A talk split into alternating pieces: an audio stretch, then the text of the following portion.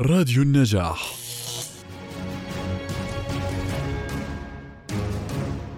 أهلا بكم مستمعينا في ثالث حلقات برنامج خذ حقك. نطل عليكم كل سبت للتوعية الحقوقية والقانونية والتعرف على كيفية تقديم الشكاوى في حال حصول الانتهاكات.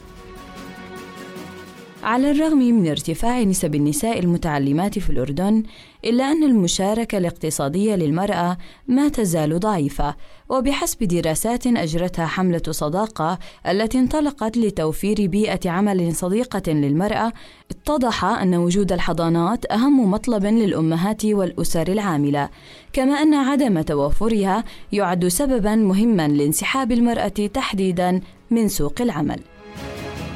تهيئة سوق العمل للأمهات والآباء بإيجاد حضانات آمنة للأطفال لا يزيد نسبة الإنتاج الاقتصادي فقط، إنما يضمن حق الطفل في الرعاية في سنواته الأولى، وهو الأمر الأهم، كما يوفر الدعم النفسي للمرأة ويساعدها على التقدم الوظيفي.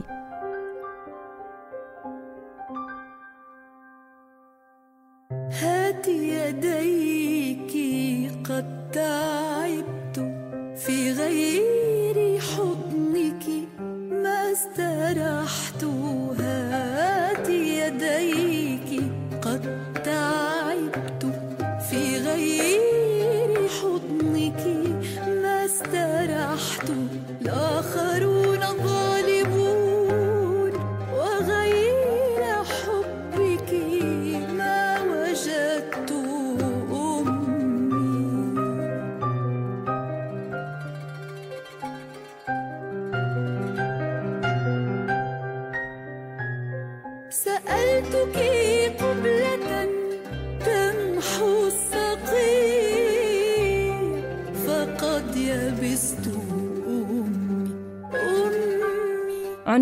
حلقتنا لهذا اليوم الحضانات حق لأبناء العاملين والعاملات.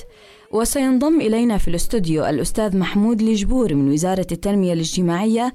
كما سيكون معنا على الهاتف الدكتورة خلود المراجدة من وزارة العمل.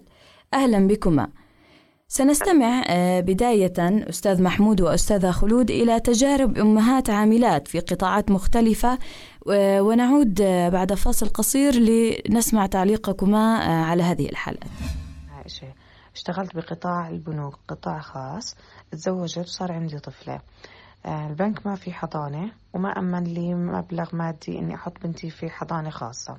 اضطريت أترك الشغل آه، لترك الشغل عشر سنوات. بحثت عن شغل جديد. وجدت إنه أصحاب الوظائف بي- بيحبوا يوظفوا آه، الامهات العازبات وما بيحبوا يوظفوا الأمهات لعدم توفر حضانات في هاي الشركات. إنه البنك كان فيه عدد كبير من الأمهات وكان مخالف للقانون إنه ما توفر في حضانة. أنا معلمة مارست مهنة التدريس في القطاع الخاص. آه، من أكبر المآخذ والعيوب اللي بيعاني منها القطاع الخاص افتقار القطاع الخاص لوجود حضانات دا للأطفال داخل المدرسة. طبعا لأسباب بتخص المدرسة مثل التكلفة أسباب قد تكون مادية زيادة التكلفة على المدرسة أو قانونية. الآن بتبلش المشكلة كانت مع زميلاتي المعلمات والأخوات والأعداد طبعا لا يستهان فيها يعني الكادر التعليمي من الأمهات الموجود في المدرسة إنه آه، وين بدي أودي ابني؟ خلال ساعات العمل. تضطر تحطه بحضانة خارج المدرسة. طبعا ببلش التوتر الطبيعي لدى الأم. ابني في شو نوعية الحضانة؟ بيعاملوه منيح أكل آه، عم يبكي آه، مثلا ابنك مريض سخنان تعالي شوفيه تضطري تاخدي مغادرة. بتصير هون ستريس وتوتر بين زميلتي المعلمة وأرباب العمل في القطاع الخاص. إجيت متأخرة عن المدرسة لأنه وديت ابني على الحضانة. مضطرة أروح قبل ما تسكر الحضانة ألحق ابني. مضطرة أطلع وأخذ مغادرة من المدرسة. عدا هيك طبعا معروف أنه زيادة التكلفة على زميلتي لما المادية للحضانة الخارجية خصوصا أنه إحنا بنعرف أنه القطاع الخاص بيعاني من التدني في الرواتب. فبتضطر هون زميلتي تقدم استقالتها بحثا عن مدارس يمكن تكون أسوأ وأدنى راتب بس لأنه موجود فيها حضانة حتى يبقى قلبها مطمن أنه وقت فراغ ساعات فراغها تشوف ابنها خصوصا إذا كان رضيع تطمن عليه تشوفه. آه، خوف من الحضانات خارج المدرسة إذا يجيها ابنها متعلم سلوكات سيئة لأنه يعني بيكون مع أطفال من بيئات مختلفة أو تنتقلوا الدواء أو مرض إلى آخره. طبعا أنا كنت أشتغل بمدرسة خاصة واضطريت يعني بعد ثلاثة شهور من شغلي إني أنا أستقيل لأنه ما كنت أعرف وين بدي أحط بنتي. وحسيت إني أنا أخذت الشهادة على الفاضي. ما حتى ما قدرتش إني أخذ خبرة.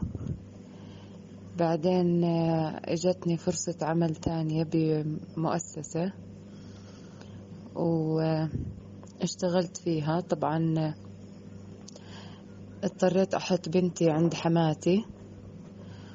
ومشت أموري يعني أولها. بعدين لما أجاني البيبي الثاني نفسيتي تعبت لأني ضليتني طول فترة الحمل وأنا أفكر وين بدي أحطها لأنه أغلب الحضانات ما بأخذوا أقل من أربع شهور. وطبعا إحنا إجازة الأمومة بالمؤسسات الخاصة آه، بس سبعين يوم يعني شهرين وعشرة أيام. ودورت يعني دورت أكتر من مكان فاضطريت إني أنا أحطها في حضانة بعيدة عن بيتي تقريبا نص ساعة. وحطيتها فكانت يعني الحضانة مش بزيادة والنظافة مش بزيادة بس إنه هذا الإشي الوحيد إنه اللي توفر لي. وإني أنا ما بقدر أترك شغلي بناء على الأوضاع المادية. السيئة طبعا.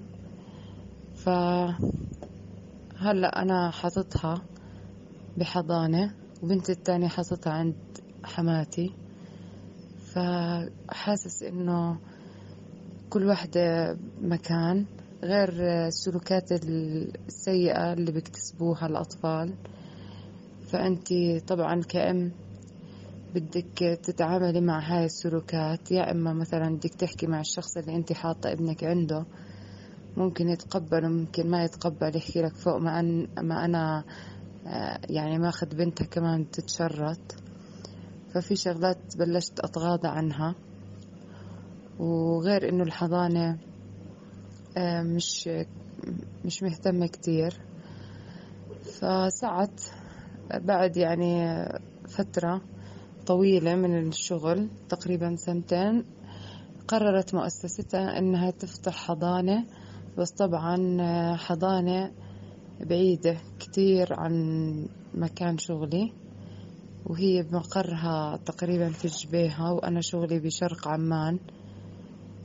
ف يعني كمادية طبعا تكلفتها عالية وغير هيك المسافة بعيدة.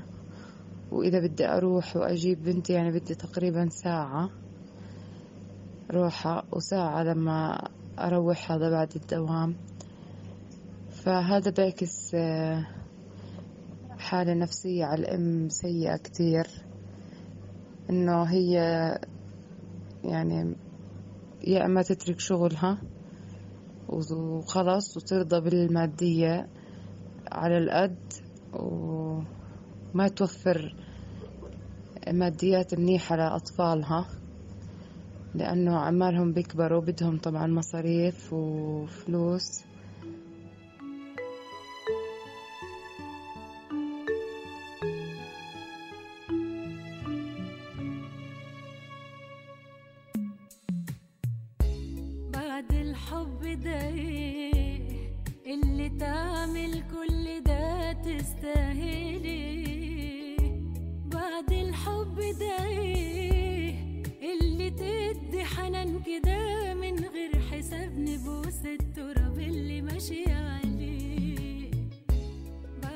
إليكم مستمعينا. استمعنا قبل الفاصل إلى تجارب أمهات عاملات آه، بالنسبة لموضوع الحضانات.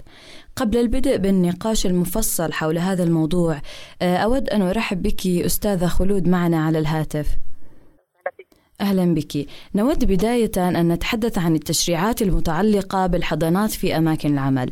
لا سيما المادة 72 من قانون العمل وما هي الجهود الأخيرة في التعديلات القانونية بخصوص هذا الموضوع؟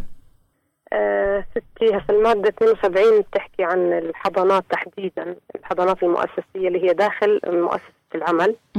آه، طبعا كانت المادة 72 بتحكي عن إنه إذا توفر 15 طفل آه، وفي 15 سيدة أو 20 سيدة يعني كان الهدف إنه موجه للسيدات. وحتى قبل هيك كانت السيدة المتزوجة كانت تحط المادة وجود شرط إنه وجود سيدات متزوجات عندهم عدد من الأطفال. مهم. يعني أو حتى يعني- المطلقة اللي عندها أطفال ما كان يشملها القانون. بالضبط. فيعني كان من تطبيق المادة لاحظنا إنه أصحاب العمل صار في تمييز ضد المرأة المتزوجة. يعني على أساس إنهم يعرفوا عن آه، تشغيلها. بالتالي عدلنا المادة لحتى تصبح إنه آه، بغض النظر إنه في 20 سيدة. شطبنا كلمة متزوجة. لكن كمان آه، صار في برضه تحايل على القانون للأسف يعني وفي حالات يعني كانت آه، حالات سلبية لتطبيق هاي المادة. فإحنا رحنا لاتجاه آخر على أساس إنه رعاية الأطفال هي حق للعاملين والعاملات. يعني هي حق للأسرة. مسؤولية مشتركة أيضا. بالضبط هي حقها ومسؤولية مشتركة للذكر والأنثى. وبالتالي لابد أنه نعدل المادة كان بناء على الممارسات اللي صارت. فعدلناها أنه في 20 طفل في أي مؤسسة. إذا توفر 20 طفل وبالتالي الأطفال العاملين والعاملات في هذه المؤسسة لابد أنه يتوفر مكان مناسب لتهيئة حضانة يعني حضانة مؤسسية. وبرضه طبعا إذا ما توفر هذا الشرط في بدائل لصاحب العمل. فكان الهدف أنه أنا بوجه هاي الخدمة لل- للعاملين والعاملات. يعني. بغض النظر شو جنسهم وبالتالي حق للطفل في النهاية. والتربية الأطفال هي مسؤولية الأم والأب. افرضي إنه الأب بيشتغل في مكان والأم في مكان هذا ما في عنده حضانة هذا في عنده حضانة فهي عملية تشاركية بالنهاية بتكون. أها تمام. طيب أستاذ آه، خلود يعني آه، هل هناك آه، جهود مشتركة مع جهات مختلفة آه، بخصوص تفعيل هذا القانون؟ طبعا التعديلات القانونية آه، غالبا الكل أشاد فيها يعني. آه طبعا آه، لكن أمور التفعيل وهو الأهم دائما يعني دائما في الأردن نحن لدينا قوانين جيدة لكن. المشكلة تأتي في التطبيق كيف نفعل هذه القوانين؟ مزبوط ستي إحنا هاي المادة موجودة بالقانون من زمان لحتى أكد على اللي حكيتيه. إنه فعليا القوانين موجودة لكن التفعيل ما كانش موجود إحنا بال تقريبا بالاستراتيجية الوطنية للتشغيل تقريبا اللي انطلقت بال 2011 وضعنا مشروع الحضانات. من شغلنا في التوعية بالمادة لأنه اصحاب العمل عمرهم ما كانوا سمعوا في المادة 72 فما حبينا نيجي فجأة إنه نحكي لهم إنه والله في مادة ولازم تطبق ولازم لازم اوعيه اولا مهم. أو في. عقوبة يعني عليها يصير في عقوبة مادية أو كذا لأنه مش مستوفين آه، شروط معينة طبعا هو في عقوبات لكل مادة بقانون العمل لكن إحنا بالأساس إحنا بدنا نتعاون ونوعي بالأول بالمادة لانهم ما كانوا بيعرفوا فيها. أها. فإحنا تعاوننا طبعا مع مؤسسات زي صداقة ووزارة العمل والمجلس الوطني لشؤون الأسرة والتنمية الاجتماعية مع الجهات كثير لحتى نوعي بالمادة.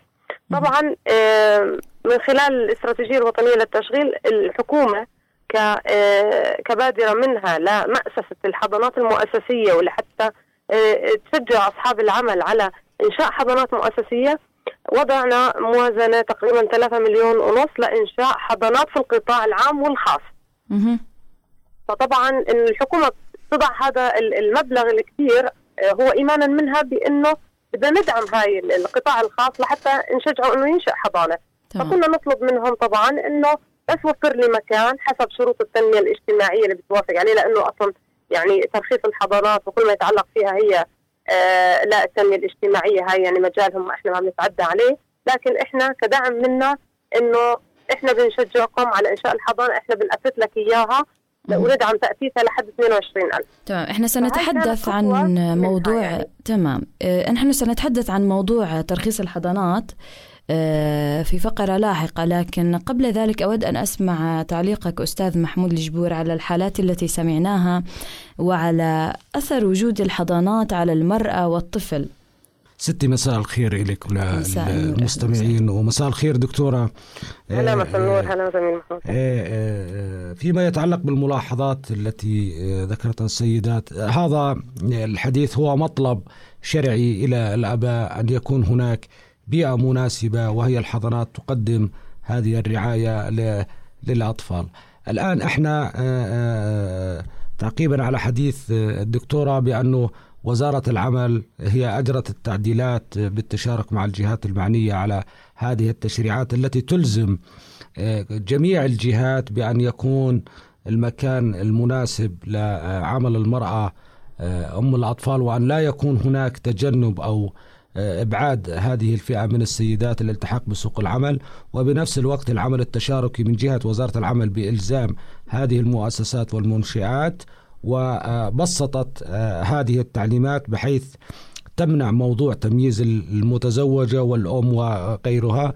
وجاء دور وزارة التنمية الاجتماعية أيضا والشركاء بأن تقوم بإجراء التراخيص وفق ضوابط وتشريعات صادرة لهذا الشيء بالتعاون مع الشركة مع مع جميع الجهات الشريكة بحيث أن تقدم أفضل الرعاية إلى هذا الطفل وأن يكون هذا المكان هو مكان رعاية بجودة وبمواصفات تتوافق مع جميع ال ال ال الاحتياجات التي يعنى فيها الطفل وأن لا يكون هذا المكان هو مكان فقط انتظار أو مكان باللهجة هو مضب. مكان إيواء بدون أي شروط. نحن لا, لا نطبق هذا الشيء. هناك اشتراطات متعددة من حيث المباني من حيث المؤهلات من حيث الكوادر من حيث البرامج التي تقدم للأطفال. الفئات العمرة العمرية المساحات التهوية الإنارة إلى آخره من الاشتراطات. سنتحدث عن هذا الموضوع مفصلا دكتور. وهو موضوع شروط الترخيص يعني. بالنسبة لوزارة التنمية وبالنسبة لوزارة العمل. لكن قبل ذلك نود أن نتحدث أكثر عن موضوع الحضانات وجهود تفعيلها وسننتقل لذلك إلى مداخلة من الأستاذة سهر العلول من حملة صداقة والتي تهدف إلى تأمين بيئة عمل صديقة للمرأة ونشر وتفعيل المادة 72 من قانون العمل بالإضافة إلى تأمين حضانات آمنة للأطفال. نسمع المداخلة ثم نعود إليكم. اشتغلنا من منذ التأسيس على تفعيل وتطبيق المادة 72 من قانون العمل التي تحكم تأسيس الحضانات في أماكن العمل. والصراحة كان عملنا من ضمن يعني بنود متعددة. اشتغلنا على الإطار التشريعي وعلى تحسين المادة و يعني توسيع مظلتها لشمولها أكبر عدد من ليس فقط من النساء العاملات لكن أيضا من الآباء العاملين. ف يعني اشتغلنا منذ عام 2012 على تعديل المادة واشتغلنا مع ثلاث لجان عمل في البرلمان ومع حكومات متعددة مع وزارة العمل تحديدا شريكنا الرئيسي. لحين نجحنا في عام 2018 بتعديلها للمادة والتي كانت تنص قبل التعديل على أنه الحضانات المؤسسية هي فقط للعاملات الأمهات العاملات في المؤسسات التي توظف 20 امرأة عاملة فما فوق إذا تواجد لديهن أطفال دون سن الرابعة عشر أطفال فما فوق.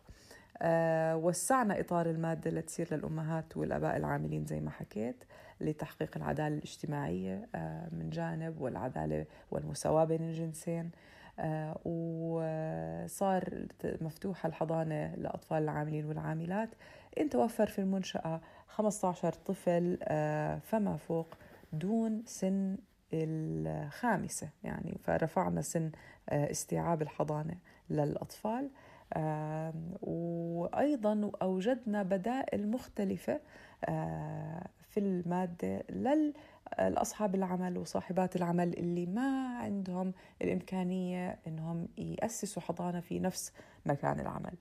وهاي النماذج الصراحة يعني عدنا سنوات إحنا بندرسها وأجت بالتوافق مع طبيعة الأعمال وطبيعة القطاعات التي تشغل النساء بكثرة من جانب. وأيضا أخذنا بعين الاعتبار أنه المنشآت التي طبعا يمكن ما عندها الملاءة المالية أو الدعم المادي الكافي أنه يأسسوا في نفس مكان العمل من من جانب آخر أو عدم توفر المكان المناسب لأي من الأسباب. فصار في عنا خيارات متعددة قريبا ننتظر إنها تصدر بتعليمات ونظام لهذا الموضوع.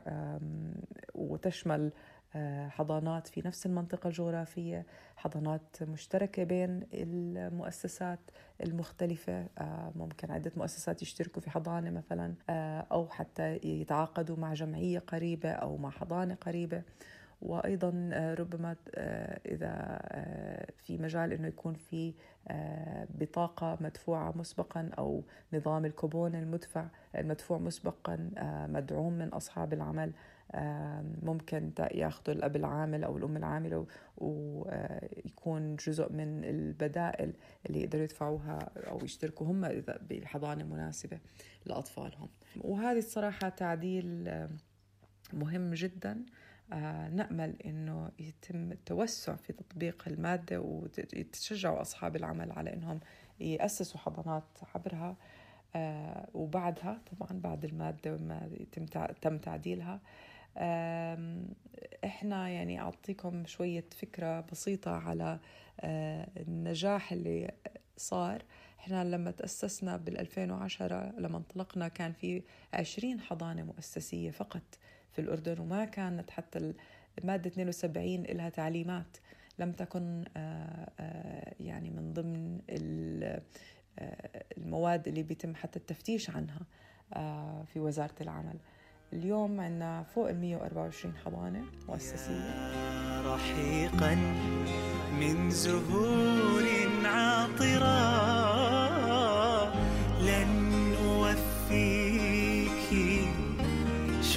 like it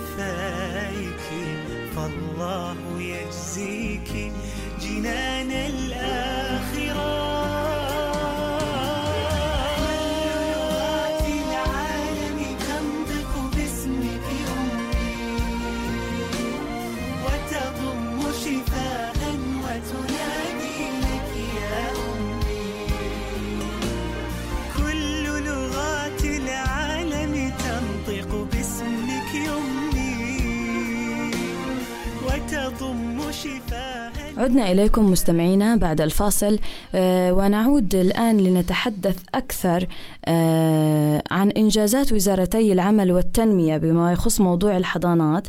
آه، سنبدأ بك أستاذ محمود وأريد أن تفصل لي تحديدا عن موضوع الترخيص. يعني كرب عمل كيف أعرف ما هي الشروط آه، التي يجب توفرها في في الحضانة التي سأفتتحها في في مكان العمل.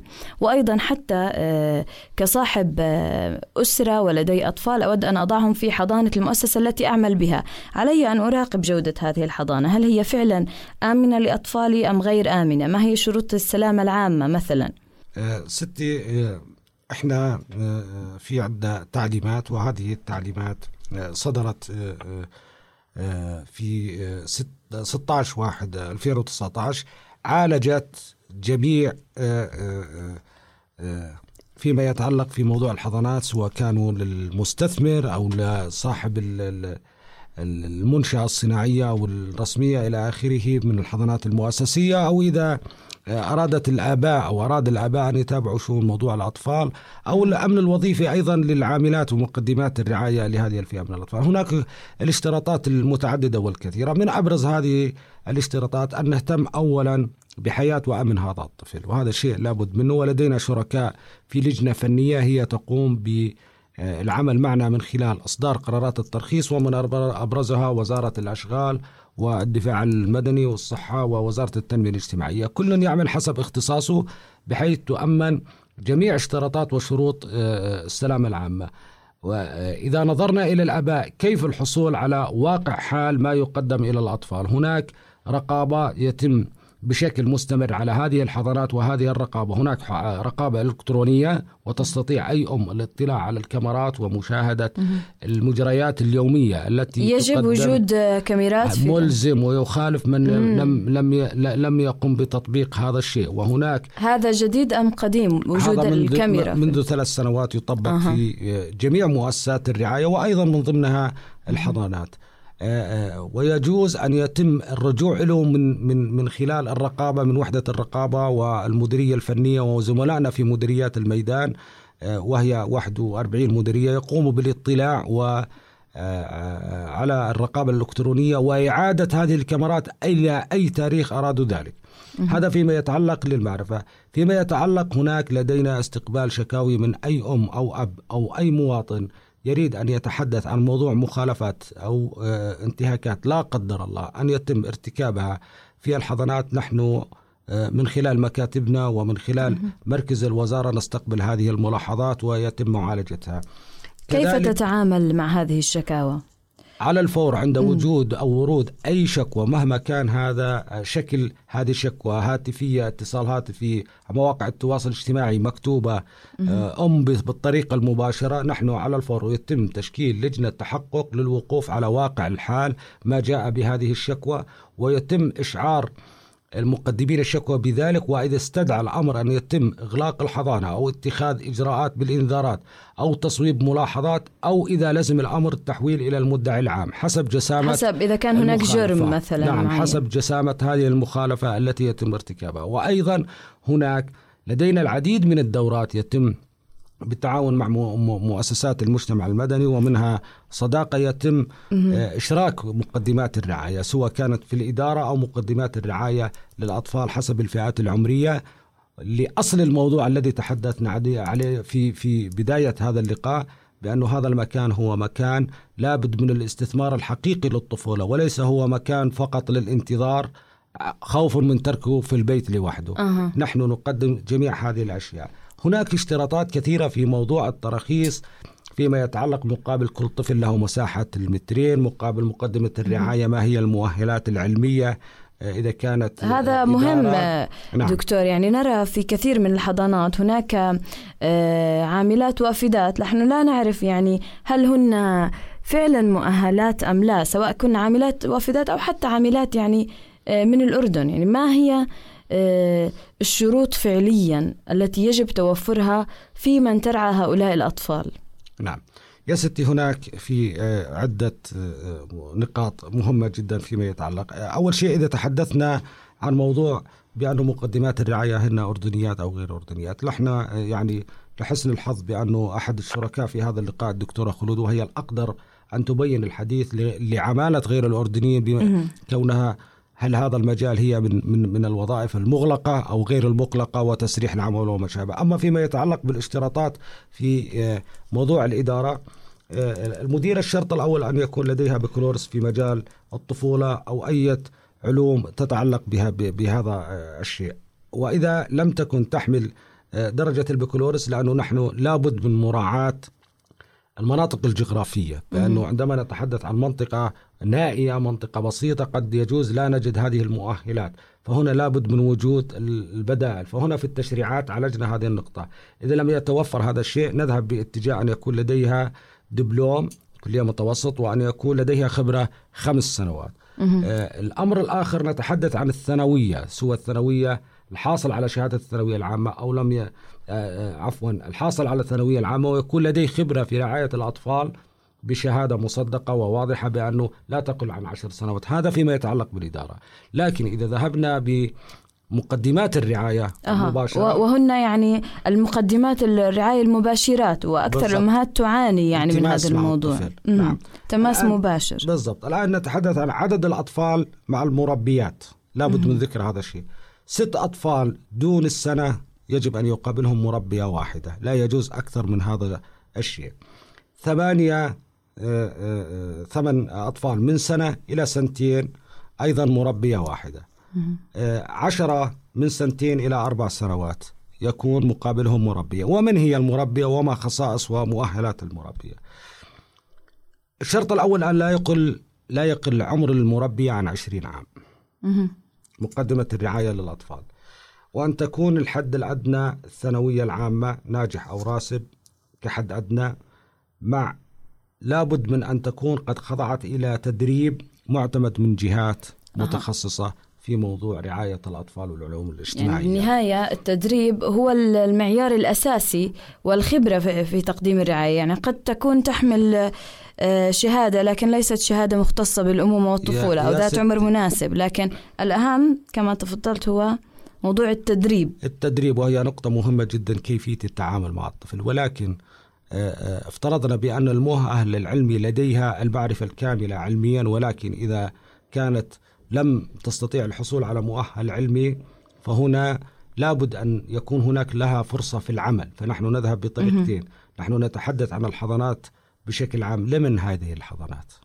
هذه الحضانات حتى يكون هناك فرصة لخروج الأمهات للعمل. فبالتالي علينا أن نراعي كمان مقدمات الرعاية للأطفال. هن قد يكن أمهات أيضا. وأن يكون أمهات ولكن هل عدم قدرتهن على الحصول على مؤهلات علمية أن لا يتم إلحاقهن في سوق العمل؟ يجب على أي مواطنة أن لا تحرم من هذه الفرص.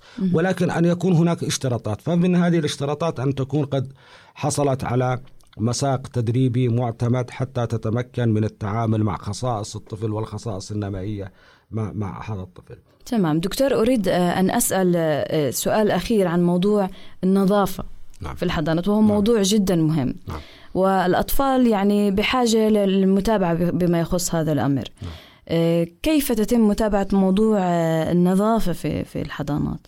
ستي ال ال ال الاشتراك. هناك تفتيش معين هناك كذا؟ أسلفنا في الحديث قبل قليل بأنه لدينا وحدات.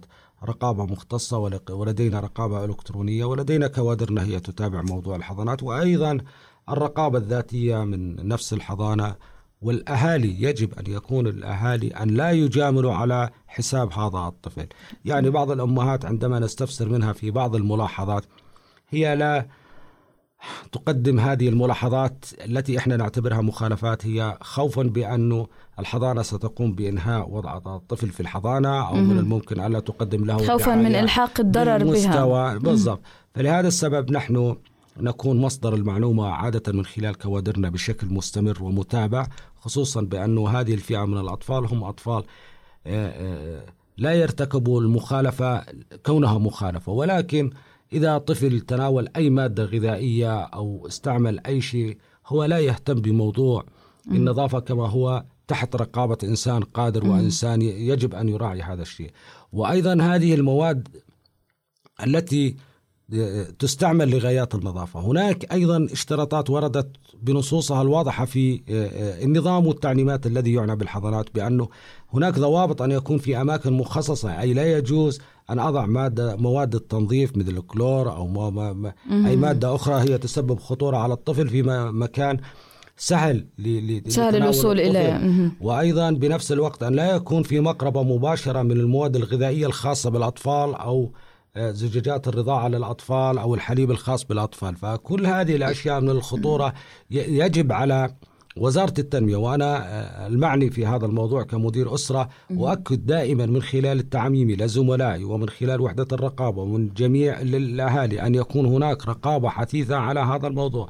بنفس الوقت الحرص الجاد من الحضانات هي أسلوب كسب.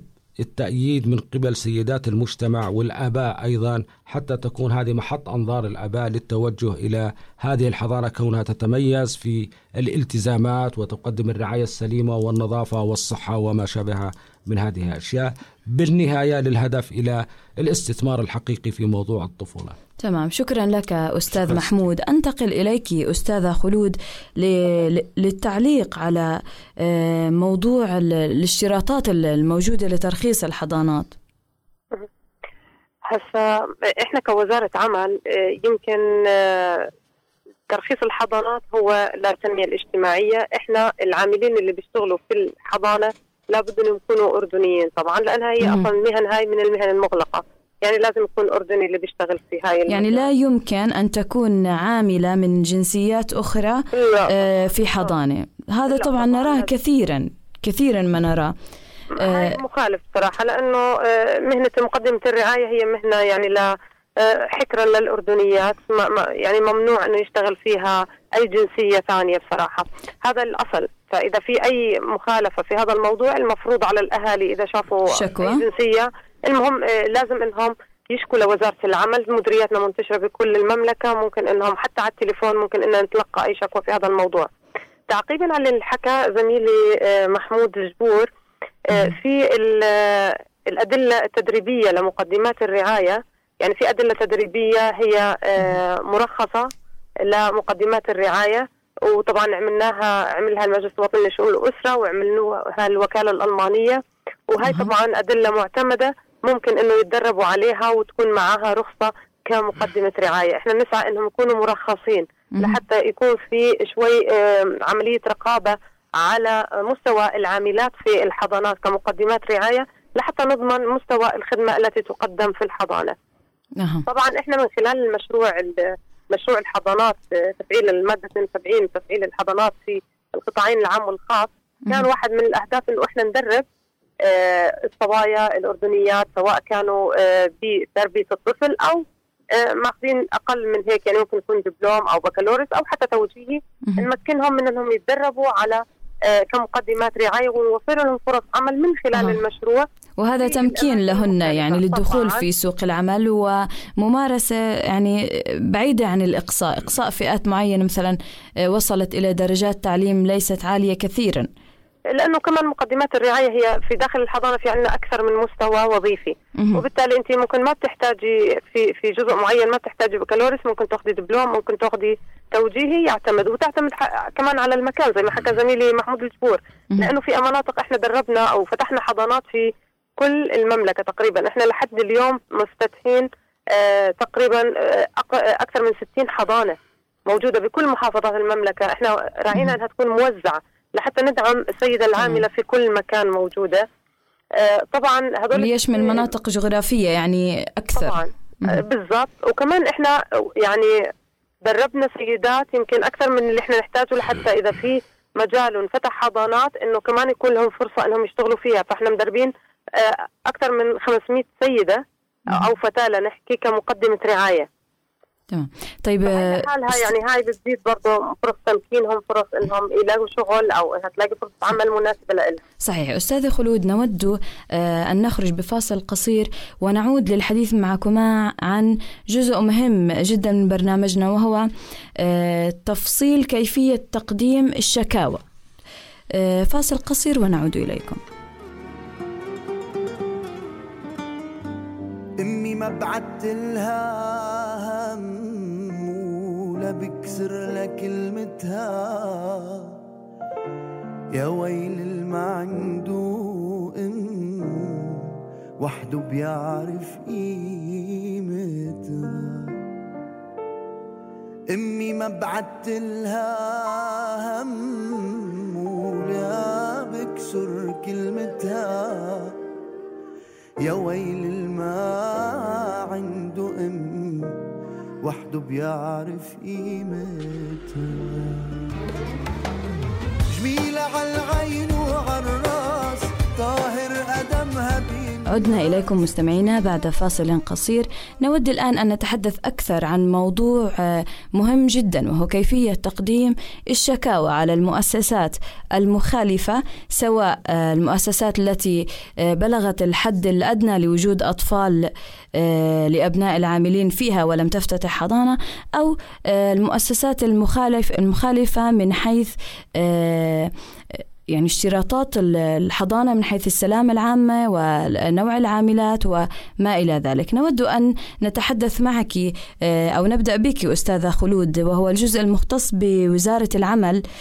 كيف آه، يلجأ المواطن أو يعني الأم العامل الأم العاملة أو الأب العامل إلى الشكوى في حال حصول مخالفات من نوع معين، يعني مثلا تحدثنا نحن عن مشاهدات مثل وجود عاملات غير أردنيات في الحضانات. آه، فما هي النقاط التي تختص بها وزارة العمل تحديدا لكي يستطيع آه، المواطن أن يميز، طبعا هذه المخالفة هل هي من اختصاص وزارة التنمية أم من اختصاص وزارة العمل؟ يعني لكي نوعي المواطن أين يتجه وكيف يقدم الشكوى آه، تفصيليا. أشكرك. يعني هاي نقطة مهمة جدا صراحة. آه لازم إنه يكون آه، الناس تكون واعية في وين تروح لحتى تشكي على أي أو إنها تسأل على الأقل تستفسر عن حقها. هسا إحنا ب- بالعادة في عنا الخط الساخن وهو موجود يعني أي شخص ممكن يتصل على الأرقام موجودة على ال website تاع وزارة العمل. ممكن إنه يشكي إذا كان مثلا تطبيق المادة 72 تنطبق على هاي المؤسسة أو هاي المنشأة وصاحب العمل يمكن مش راضي يفتح لهم حضانة أو عندهم مشكلة في إنه يفتح حضانة وهم متأكدين إنه والله الشروط تنطبق على هذا على هذه المؤسسة وفي مكان. ممكن يتصلوا معنا تليفون على مفتشين العمل وإحنا آه، يعني يروح على هاي الم- المؤسسة ويفتش آه، طيب بعض. الموظفين يخافون من فعل هذه الخطوة يعني يمكن أن يهددهم صاحب العمل ب- بالطرد أو بإغلاق حضانة أو ما إلى ذلك. كيف يمكن حماية المشتكي؟ هسا إحنا بالشكاوى العمالية بالعادة ما بنحكي مين اللي شكى على بهاي المؤسسة من داخلها ما بنصرح باسم المشتكي. وهاي آه، سياسة موجودة بالوزارة ويعرفها مفتشين العمل ويعرفوا يتعاملوا مع هذا النوع من الشكاوي. بكل الشكاوي العمالية ولا يمكن انهم يحكوا إنه آه، يعني آه، سين من الناس شكى من داخل مؤسستك على هذا الموضوع. يعني سرية في التعامل مع الشكاوي وهي السياسة ما هي آه، متبعة. سؤال آخر مهم. ما هي السرعة التي تستجيب بها وزارة العمل على هذه الشكاوي يعني مثلا تقدمت للشكوى بتاريخ 20 واحد. هل هناك مدة معينة تحددها وزارة العمل في دائرة الشكاوي للاستجابة آه، أو للتجاوب مع هذه الشكاوى مثلا أسبوع من آه، من تسجيل الشكوى يجب آه، أن تخرج لجنة تفتيش إلى هذه المنشأة هل هناك شيء كهذا في وزارة العمل؟ شوفي إحنا كمديري كوزارة عمل ومديريه عمل مرأة إذا إجاني شكوى عندنا مفتشات عمل أصلا بالمديرية. يجيني شكوى بيتصل معي ناس بحكي لنا إنه عندنا المؤسسة مش راضيين يفتحوا لنا حضانة إحنا على على طول نطلع بنفتش لأنه مفتشاتنا برضه آه، يعني مفتشات عمل يعني في نفس ممكن اليوم مثلاً؟ يتعاملوا ممكن حسب إنه وين المكان كمان يعني عرفتي علي؟ إذا المكان داخل عمان إحنا ممكن نوصله لكن إذا كان آه، بالمحافظات أو بمديريات بعيدة كمان إحنا بنفس اليوم بنحول الشكوى. برضه. زملائنا تحولون الشكوى بالمديريات- إلى مديريات موجودة في المحافظات. اللي أقرب يكون أقرب للمنشأة. أها. عرفت علي؟ يعني. ممكن في عمان لكن مثلا عمان بتكون الشكوى والله في صويلح. في عندي مديرية تفتيش بصويلح. أنا بحول الشكوى على النظام بتاع التفتيش. بنحولها لتفتيش صويلح ومن هناك بياخذوا الإجراء. لا- لكن طبعا اللي إحنا بنحكي إنه في كم هائل من الشكاوي بتوصل لوزارة العمل آه، مش بس بخصوص المادة 72 مهم. وبالتالي وعندنا عدد طبعا ال- المفتشين ولا يمكن يقدروا إنهم يتعاملوا مع الشكاوي بنفس اليوم. لكن إحنا المادة 72 كونها آه، يمكن اختصاصنا إحنا كمديرية عمل مرأة فإحنا آه، يعني باستمرار نتعامل مع هاي الشكاوي بطريقة يعني ما بنحب إنها تستنى ونضلنا متابعين مع المشتكي إنه شو صار وإنه ممكن إحنا نروح إذا كانت قريبة داخل عمان حتى إذا كانت أبعد من عمان وفي توفر ال- التسهيلات اللازمة ممكن إنه نطلع عليها أو يطلعوا مفتشات عليها طيب هل حصل حالات هل هناك عفوا يعني إحصائيات لأعداد الشكاوي بما يخص موضوع الحضانات؟ آه، هسه يمكن إحنا تعاملنا يمكن الس- السنة الماضية يمكن عندنا بخصوص الحضانات بالذات يمكن شي عندنا 20 مش 20 استفسار عن الحضانات لأنه أحيانا يتصلوا معنا ما يكونوش فاهمين المادة. عرفتي علي؟ فإحنا لما نفهم منهم شو الحالة ممكن ما تنطبق عليهم أها ممكن ما يكون في علي؟ مخالفة أصلا آه طبعا لأنه إحنا بنطبق القانون يعني ما ما بنقدر إن نتعدى القانون بالتالي إذا كانت تنطبق عليهم المادة ممكن نعمل زيارة تفتيشية ممكن زيارة توعية لصاحب العمل بنحكي له على المزايا اللي إحنا بنقدمها طب المشروع، وما بنعمل على طول إنه مخالفة لأنه أنا الهدف هناك إنه أنا تفتيش وبحث. أولاً. آه. بالضبط لأنه الهدف كمان أنا بدي أساعد أدعم صاحب العمل وأدعم السيدة العاملة وبنفس الوقت أنا بدي أحافظ على فرص عمل للسيدات كمان. تمام. سؤال مهم أستاذة يعني خلود. مشترك يعني في أكثر من هدف من الموضوع؟ ه- سؤال مهم آه، هو متعلق بالمؤسسات التي تحاول إخفاء مثلا بعض الوثائق مثلا أو المؤسسات التي تحاول آه، توظيف فقط العازبات آه، هل تتعامل وزارة العمل كيف كيف تتعامل أولا وزارة العمل مع م- المؤسسات التي تحاول أن تخفي وثائق تقول مثلا لا يوجد لدينا آه، الحد الأدنى للأطفال هو مثلا 20 طفل لا يوجد آه، ممكن تخفي وثائق كيف تتعامل الوزارة مع هذا الموضوع؟ آه، وزارة العمل من خلال آه، التفتيش إنه لهم اكسس على الضمان الاجتماعي. الضمان الاجتماعي ومن خلال الربط على المؤسسات ال- الحكومية إحنا بنقدر نعرف آه، على الأرقام الوطنية نقدر نعرف طب المؤسسات غير صار. المشمولة بالضمان الاجتماعي وهي أيضا بالمناسبة مخالفة يعني مزدوجة أن لا تكون المؤسسة آه، مشمولة بالضمان الاجتماعي وبعد ذلك لا يوجد حضانة. كيف يمكن لل- للشخص يعني أن أن يحصل على حقه في ظل آه، يعني تفشي المؤسسات في القطاع الخاص المخالفة؟ هسا م، إحنا مفتشين العمل عندهم الصلاحية إنهم يطلعوا على كل الوثائق.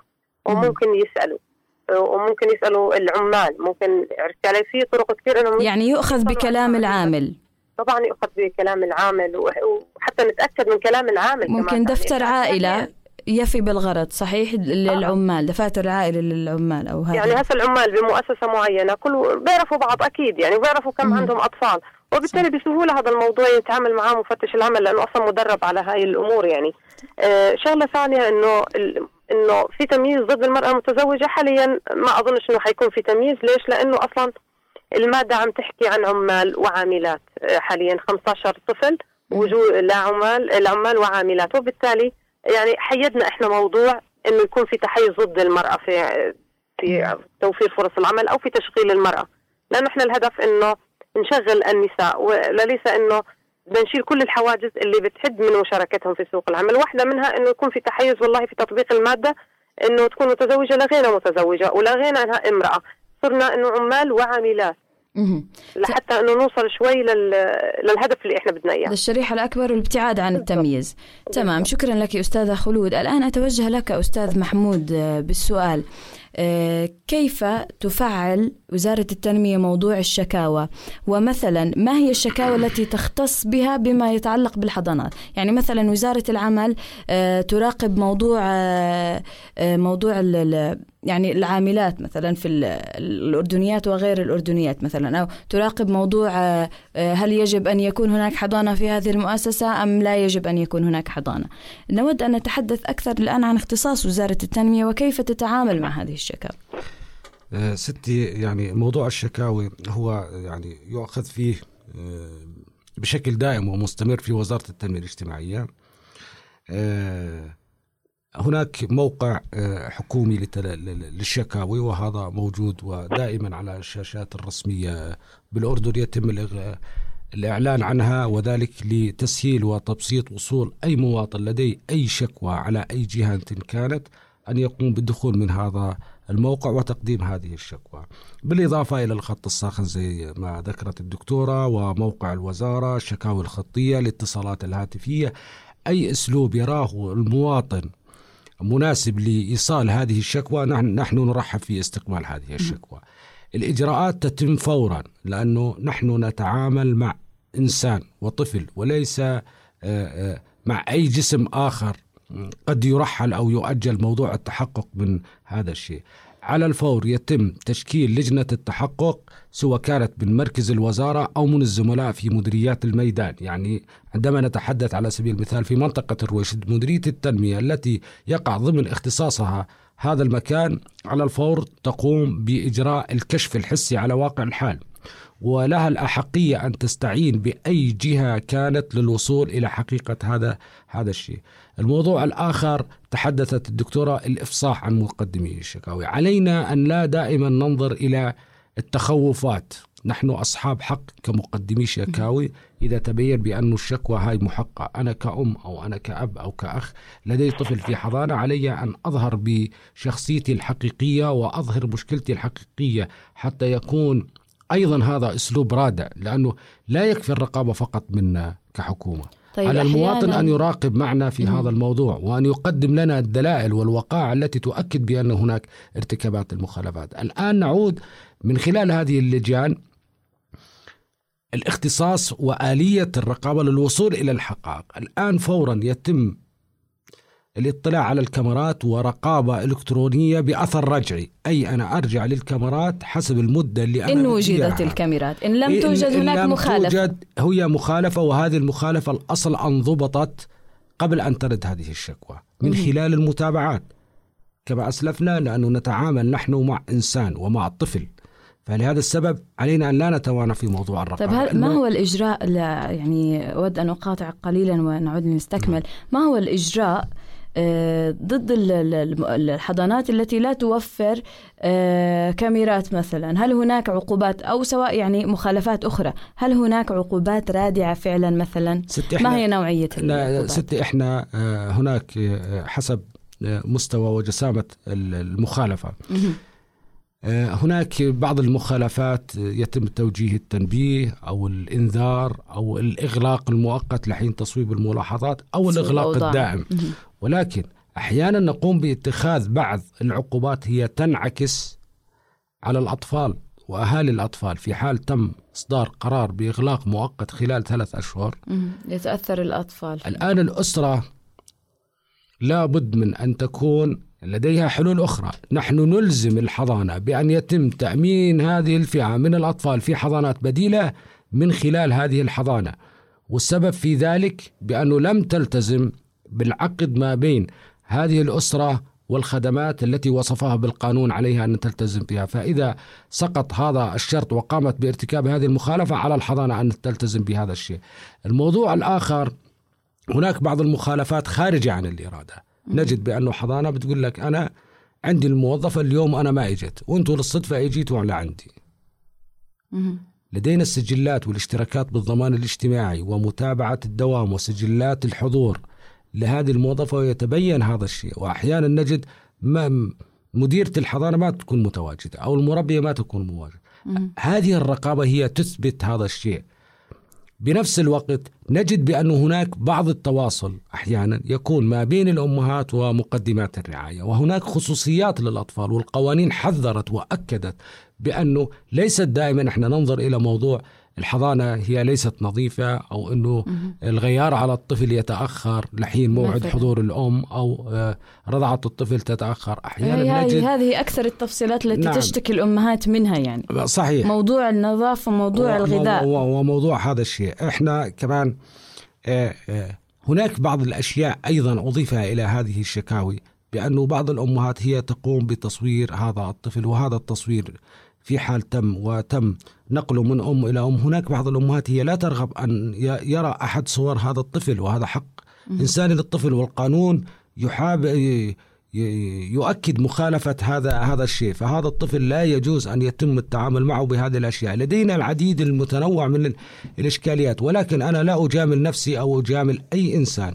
جميع الملاحظات التي ترد لنا يتم التعامل يتم معها. التعامل معها على الفور مباشرة نحن نتعامل مع إنسان نحن لا نتعامل كما هي باقي الجهات مع أمور جماد أو مع جسر أو مع شارع أو ماسورة هناك مي طفل، أتعامل هناك مع طفل فبالتالي أسرة. الطفل أنا بيكون عنده درجة حرارة مرتفعة الطبيب مش معتمد الطبيب ما مش قاعد بيجي بزور هذا هذا هذا هذا شيء مشكلة آه، المطاعيم والالتزام بالمطاعيم الأدوية. الوطنية الأدوية وحصولهم على الأدوية الاحتفاظ بالأطعمة. هناك أولويات في موضوع الرقابة هي يتم إجراها مع الحضانات. شكرا لك أستاذ محمود وشكرا لك أستاذة خلود كنت معنا على الهاتف. بهذا وصلنا إلى نهاية حلقتنا عن الحضانات حق لأبناء العاملين والعاملات. راجين لكم أمنا وحرية دائمين في وطن على قدر ما نرجو وبقدر ما نحب. كان معكم من الإعداد والتقديم فاطمة وشاح ومن الهندسة الإذاعية محمد عبد الله دمتم بخير وحرية.